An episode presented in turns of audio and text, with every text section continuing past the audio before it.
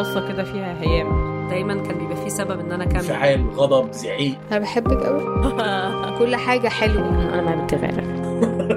قلوب عند بعضها. قصص عن تلك الطاقة التي تحرك الكون.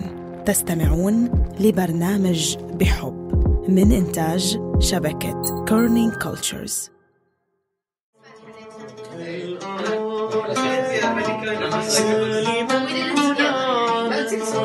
بس أنا حفظت بس حفظت ترى للحين أنا ما نفعت منه بس أسوي أنا ما أدري وش يسوي. حتى ما أدري وش بس أسوي الساعة سبعة ونص صباحا.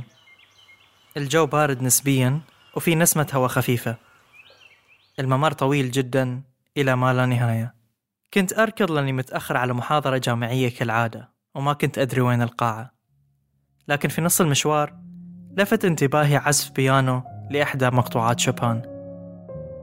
وسألت نفسي شنو هالمزاج اللي يخليك تعزف من صباح الله خير وقررت إني لازم أكون جزء من هاي المكان اللي يطلع منه الصوت. هذا صوت محمد. محمد هون بيوصف لنا يوم بتذكره كتير منيح. يوم كان فيه متأخر عن محاضرته في جامعة البحرين زي ما حكى لنا. قرر محمد يحكي لنا قصة هذا المكان. اللي هو مش مجرد مكان عادي بالنسبة له هو مكان أثر كتير على حياته. هذه القصة هي من مكان غيرني ووفر لي الأمان ومن شخص وجهني في وقت كنت فيه حرفيا ضايع. هاي القصة اللي كتير شخصية اللي بيحكي لنا إياها محمد هي مكان غيرته ووفرت له الأمان زي ما حكى.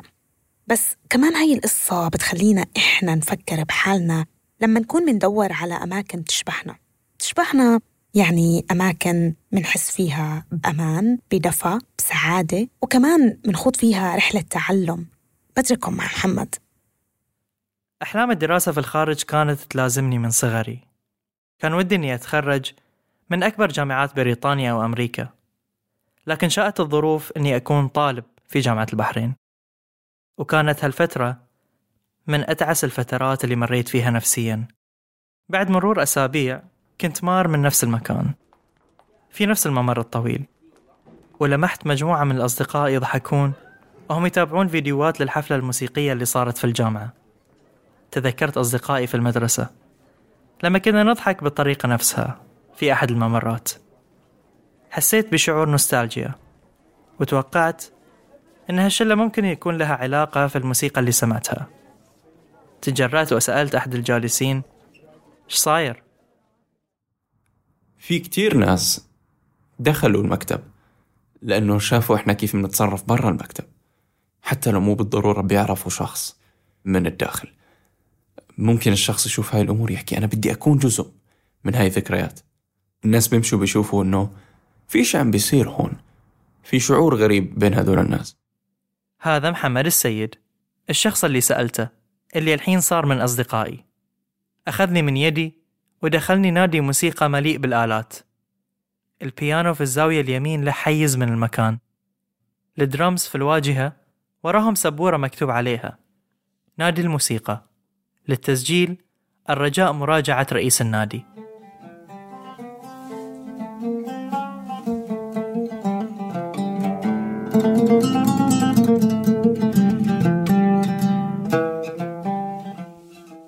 المكان أو المكتب أو المساحة أو النادي أو أي من الأسماء العديدة اللي بتنذكر في القصة.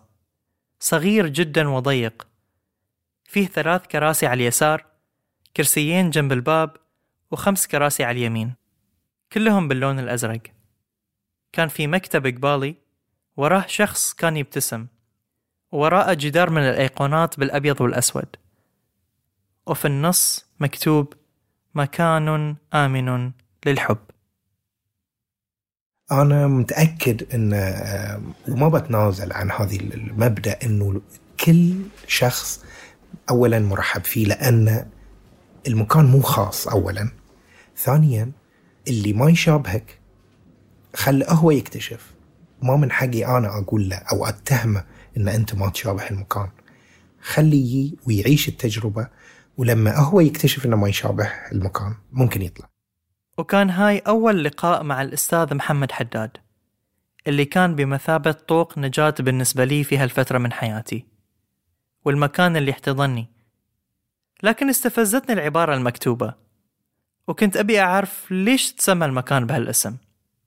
ولهالسبب بدأت رحلتي مع اكتشاف ماهية المكان وتكوينه. قصتنا عن غرفة صغيرة بداخل نادي الموسيقى في جامعة البحرين. اللي كانت وما زالت نقطة تجمع لطلاب الجامعة عبر الأجيال اللي تتواجد عشان تناقش الموسيقى الفنون العلاقات والأدب بكل حب. خلال دراستي وخلال روحاتي حق المكتب من خمس سنوات لليوم كنت وايد أروح الصبح وبالنسبة لي الصبح هو وقتي المفضل لأنه هو يعطيني طاقة حق باقي اليوم. هذا عبد الجبار أو جبار. أحد المرتادين للمكان من سنين. علمني أعزف أغنية أهواك لعبد الحليم. دائما يكون في ناس يجون من الصبح. يعني قبل ما تبتدي المحاضرات بثلث ساعة نص ساعة تشوف في ناس عند المكتب. فيبتدون الناس يجون شخص شخصين ثلاثة. وتبتدي السوالف شوي شوي تكبر. يعني ناس يدشون ناس يطلعون ناس يتهاوشون ناس يسولفون في موضوع ناس ما شنو. فيصير في تجديد دائما في السوالف. يعني عادي إحنا نتكلم في موضوع فجأة يقلب الموضوع ويصير عن شيء ثاني. فما في شيء روتيني في المكان. الشيء الوحيد الروتيني اللي يصير دائما وهذه بالنسبة لي أكثر وقت precious وأكثر وقت أحب اللي هو الريوق. الريوق في غرفة حداد له طعم غير يعني أقولها بكل ثقة أن مستحيل آكل ريوق في أي مكان في العالم لو في أحلى بلد في العالم أحلى مدينة أيا كان ويكون أحلى من الريوق مع شلة هذه المكتب. الريوق في هذا المكان شيء مقدس. الحركة في المكان تشبه خلية النحل. دخول خروج حديث غناء موسيقى. تشوف أحد يدخل شايل معاه عود ويعزف ونغني كلنا معاه. مرة واحدة يرن تلفون المكتب ويسكتنا حداد عشان يرد عليه. وتتحول السوالف إلى همسات بيننا وبين بعض. ويعلى الصوت أول ما تخلص المكالمة. في الحقيقة أحيانا بنكون قاعدين مثلا نتكلم عن رائحة القهوة مثلا. وبنسمع حدا بده يدخل. حدا عم بدق الباب. وهذا محمد السيد مرة ثانية.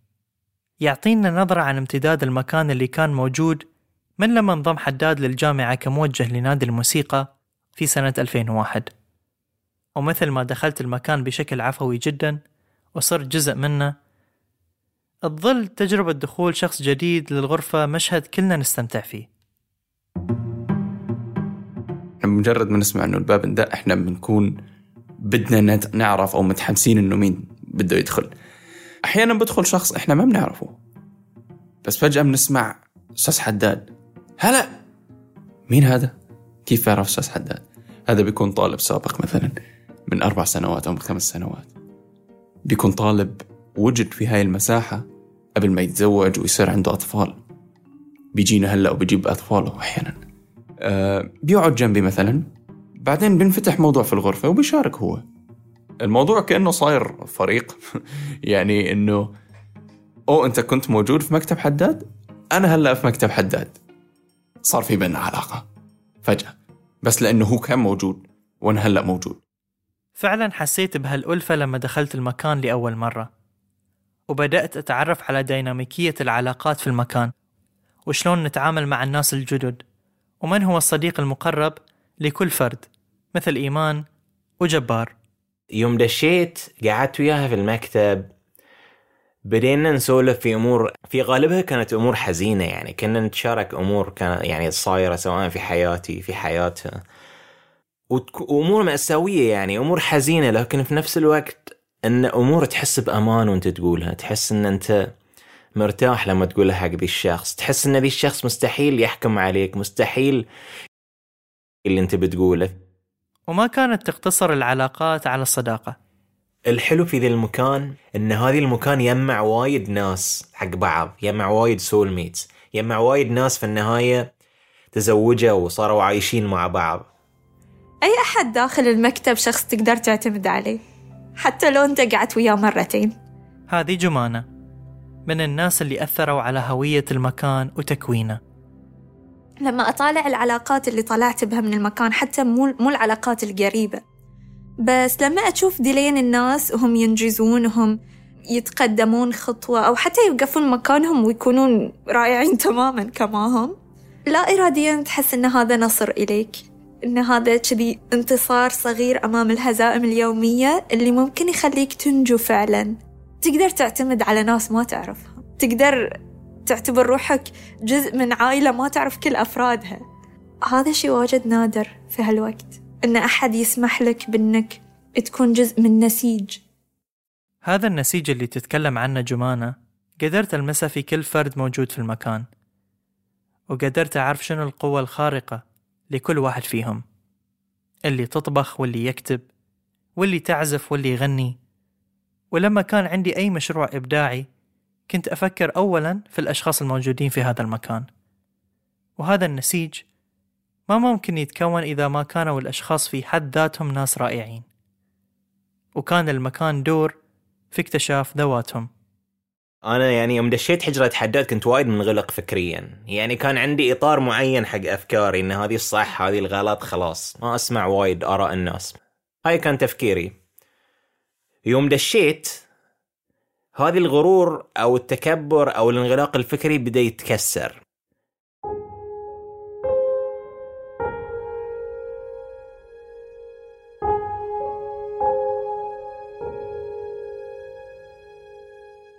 كلمة آه، حب أو كلمة بحبك إن أنت تحكي لهذا الشخص إشي مو كتير سهل. أنا بالنسبة إلي صعب جدا كان إنه أحكي هذا الشيء. بحس إنه هاي الكلمة بتحمل مشاعر كتير كبيرة. أنا ما كنت بظن إني بقدر أتحملها. إني أنا أطلع على شخص وأحكي له إنه أنا فعلا بحبك. كأنه لو أنا عملت هذا الشيء ممكن أبين ضعفي للشخص الآخر. بس لما أدخل مكان أشوف وأنا عارف إنه لما أدخل بمجرد ما أنا أدخل أشوف الناس بيبتسموا فعلا بيبتسموا من قلبهم إنهم شافوني. وأشوف أستاذ محمد حداد بتطلع فيني وعارف أنا شو بدي أحكي. وعارف إنه أنا حكي له إنه أنا جاي عشان أحكي معك بهذا الفيلم وعارف إنه في فيلم طلع إمبارح مثلا وأنا شفته وعارف إنه أنا هلأ جاي أحكي فيه. كل هاي المشاعر كلها لما أحس فيها هذا الجدار اللي كان موجود اللي بيفصلني عن الحب وكلمة الحب. شوي شوي كل شخص كل شخصية من الناس اللي قاعدين هناك بيشيلوا طوبة من هذا الجدار مع كلمة بيقولوها مع نظرة بيعطوني إياها مع ابتسامة بيبتسموها لما أدخل المكتب. لما أشوف كل هاي الأمور مستحيل أقدر أني أحبس كل هاي المشاعر. لازم مع نهاية اليوم إذا إذا مثلا يعني نصور موقف مثلا وحسيت إنه أنا لازم أعبر عن هذا الشيء بطلع على مثلا أي شخص في الغرفة بطلع على أستاذ حداد وهذا الشيء صار إنه أنا بحبك يعني. فعلا بحبك.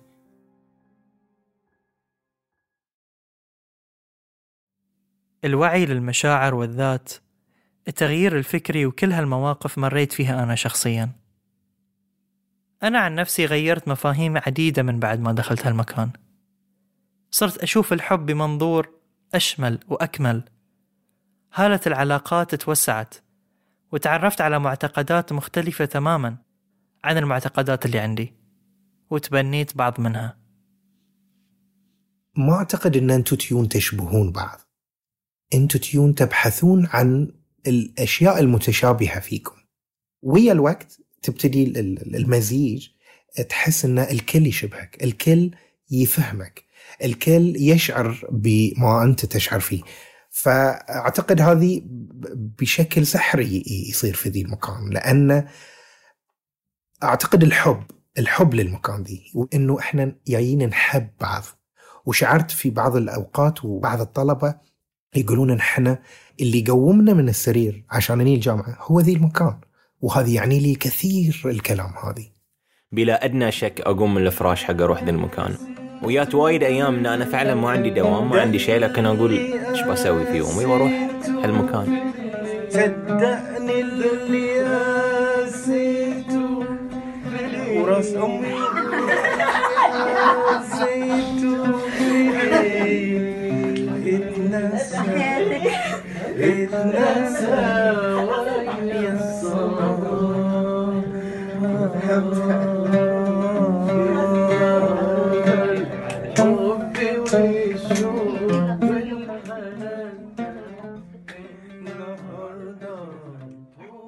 يعني ما بقول الكل بس في جزء عود منهم حتى في البيت ما يتم تداول الحب بشكل سلس أو أو أو رطب خلينا نقول.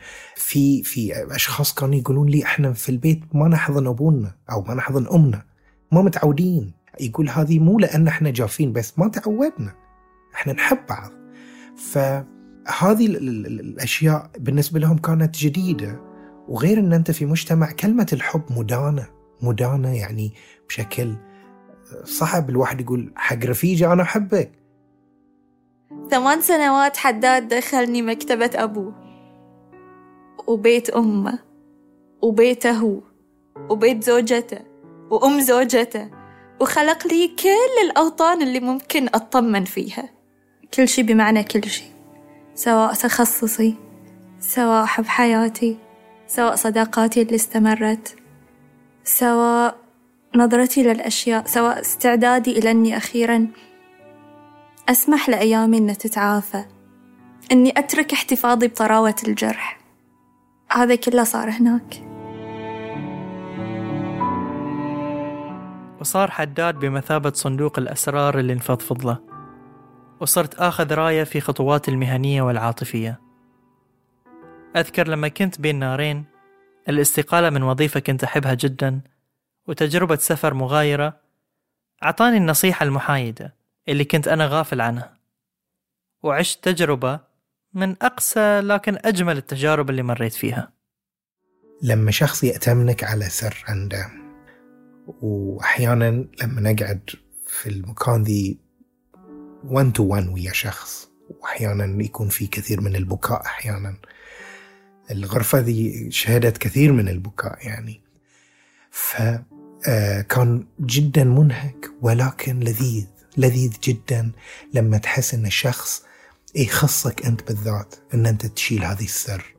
الحين الأجيال مثل أولادي يعني. ما ممكن تعطي ظهرك لابنك وهو في في في منطقة أسئلة. أسئلة وتدري أنت إذا ما جاوبتها ما حد بيجاوبها. وهم نفس ما قلت لك بغلاوة عيالي لأن أنا أقعد سبع ساعات من اليوم وياهم. هذه أكثر مما اقعدها مع أهلي. إذا تحسبها في اليوم أنا أقعد معهم أكثر من ما أقعد مع زوجتي وعيالي. فطبيعي لازم يكونون جزء من حياتي.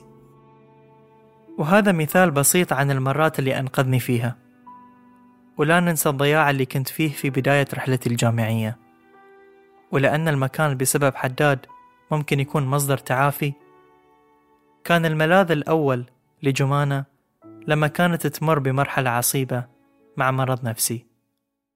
كشخص عنده باي بولر كنت واجد فاقعة إضافة إلى أن أني شخصيتي واجد فيها شراسة وفيها مزاجية عالية.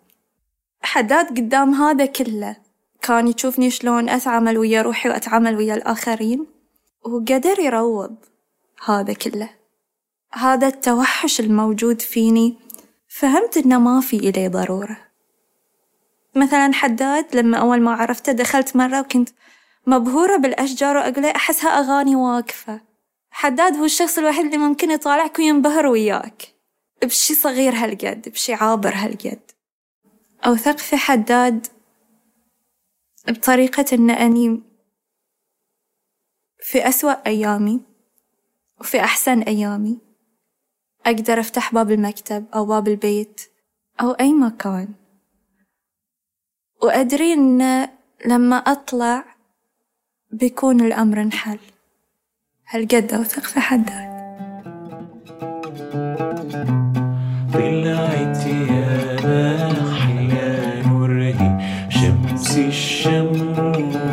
يلا لبن الجاموس. قاعد عالسقف من الأشياء اللي وايد يعني تعني لي وايد في ذي المكان. دائما المكان ذي يعطيك support مو طبيعي. يعني أنا أديت في الجامعة كم مرة غنيت على stage في حفلات يعني. أتذكر دائما عقب ما أخلص أي عرض أروح للمكتب أول شيء يسويه أول ما بطل الباب يقوم من المكتب يحضني و... ويقول إيش قد إنه هو فخور. وفعلا هو فخور وما يقولها هو يقولها دائما لكن هو يقولها دائما هو يعنيها. لأن في النهاية حتى بالشيء وهو يدري وأنا أدري أن هذا الشيء نبع من ذي المكان. أنا في النهاية لو مو ذي المكان كان حتى يمكن ما غنيت وما طلعت على stage ولا سويت وايد أشياء سويتها بحياتي. ولأن أعياد الميلاد هي احتفال يليق بالحب ولو بشكل بسيط نحتفل بكل أعياد الميلاد في هذا المكان. بس عيد ميلاد حداد له جو خاص. سنة حلوة سنة حلوة سنة حلوة يا جميل أنا آدري إنه ممكن تذكرون تاريخ آه، ميلادي لكن آه، العناية في التعبير عن هذه الحب. نوع الكيكة اللي جبتوها إيش قد كنت أنا أعشق هذه ال- ال- ال- الفليفر وما كنت أتوقع إنه يوم من الأيام ممكن تجيبونه لي لأن أنا قلتها بشكل عابر في احدى المناسبات خارج الجامعة. ف يعني ال- الكلام اللي ينكتب ال- ال- الأشياء اللي نيابت أعتقد آه، الحميمية ذي أنتم قادرين تعبرون فيها في كل شيء. أنا يمكن ال- ال- احتفالكم هذه مو هو أكبر شيء. أنا أشياء تلمسني ممكن لدرجة البكاء في أشياء يومية تصير بيني وبينكم. يمكن أنتم ما تلاحظونها لكن تأثر وايد فيني. Happy birthday to حداد Happy birthday اللحظات اللي أعيشها وياه كل شخص فريدة. واللي أكبر إنه أنتم تقضون وياي أربع سنوات وبعدين تطلعون. مضطر إني أبني العلاقة من الصفر مع أشخاص ما أعرفهم. ولازم أوصل للي وصلته وياكم. وأوصل. وبعد يتركوني ويروحون. اللي يبقون النخبة اللي تواصل إنها تحفر وتواصل تزور وتتواصل خارج الجامعة مو قليلة كثيرة جدا. لكن الجرح مال التخرج هذه واللي هو أجمل شيء ممكن في حياتكم آه، يأثر يأثر بشكل كبير. نرجع للعبارة اللي شكلت هوية المكان بعفوية. وخلقت منظور مغاير للمساحة في لاوعي الأشخاص الموجودين. وصنعت ألفة للمرتادين الجدد وسحرتهم عشان يكونون جزء من هذا المكان. بسبب الجملة اللي انكتبت في المكتب مكان آمن للحب يمكن جزء عود ما يدري إن هي ذي جزء من قصيدة أو جزء من أغنية بحرينية. كان جزء عود من الطلبة اللي يجون تحدق في في الجملة وأنا أشوف برهبة وخوف إن كأني كاتب كلام آه، بذيء أو كلام يعني خارج إنه شلون ينكتب شيء كذي. وجزء عود منهم يقول لي وأنا ما أعرفه يقول لي يصير أصور هذه الجملة. أقول له إي يصير كنت أنا أحد الناس اللي صوروا هالعبارة من أول زيارة. وكان في بالي دايما سؤال ليش مكان آمن للحب؟ وبعد إجابات كثيرة ما أشبعت فضولي قدرت أوصل للقصة الحقيقية اللي حداد بنفسه دلني عليها. لما قعدت على جنب وسألني حداد لمين تقرين عدت ناس واجد. بعدين طالعتها وقلت قاسم حداد. فهو لا إراديا ابتسم. بعدين البنية اللي جنبي قالت لي ترى أبو. قلت لي أبوكم يعني إنه كل يوم؟ وحداد ضحك. وكانت واحدة من قصايد قاسم اللي واجد واجد تأثر فيني. هي لم نعرف مكانا آمنا للحب. وأعتقد أن ده التوق إلى مكان خلاني واجد أتعلق في القصيدة. ما أخذت أكثر من شهر حق أتأكد أن هذا المكان آمن تماما. فكنا كل أربعاء نجتمع نخط أو يعني مجموعة يخطون فطلبت من أحد منهم أنه إنه يخطها. مكان آمن للحب. على عكس القصيدة. بس على غرار المكان. مكان آمن للحب. قصيدة للشاعر البحريني قاسم حداد. اللي معلقة صورته في جدار الأيقونات وهو أب محمد حداد. كنا نغني حول غربتنا الوحيدة كالعذارى في انتحاب الليل. كنا نترك النسيان يأخذنا على مهل لئلا نفقد السلوى. لم نعرف مكانا آمنا للحب.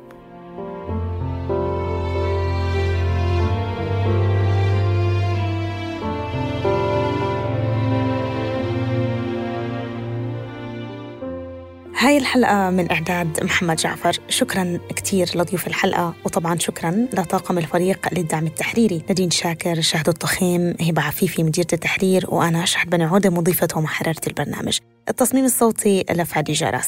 بنحب نذكركم إنه بتقدروا كمان تتابعونا على الانستغرام وعلى تويتر اللي فيه يوم ننشر قصص وراء الكواليس وحقائق استنتجناها خلال عملية بحثنا وإعدادنا للقصة.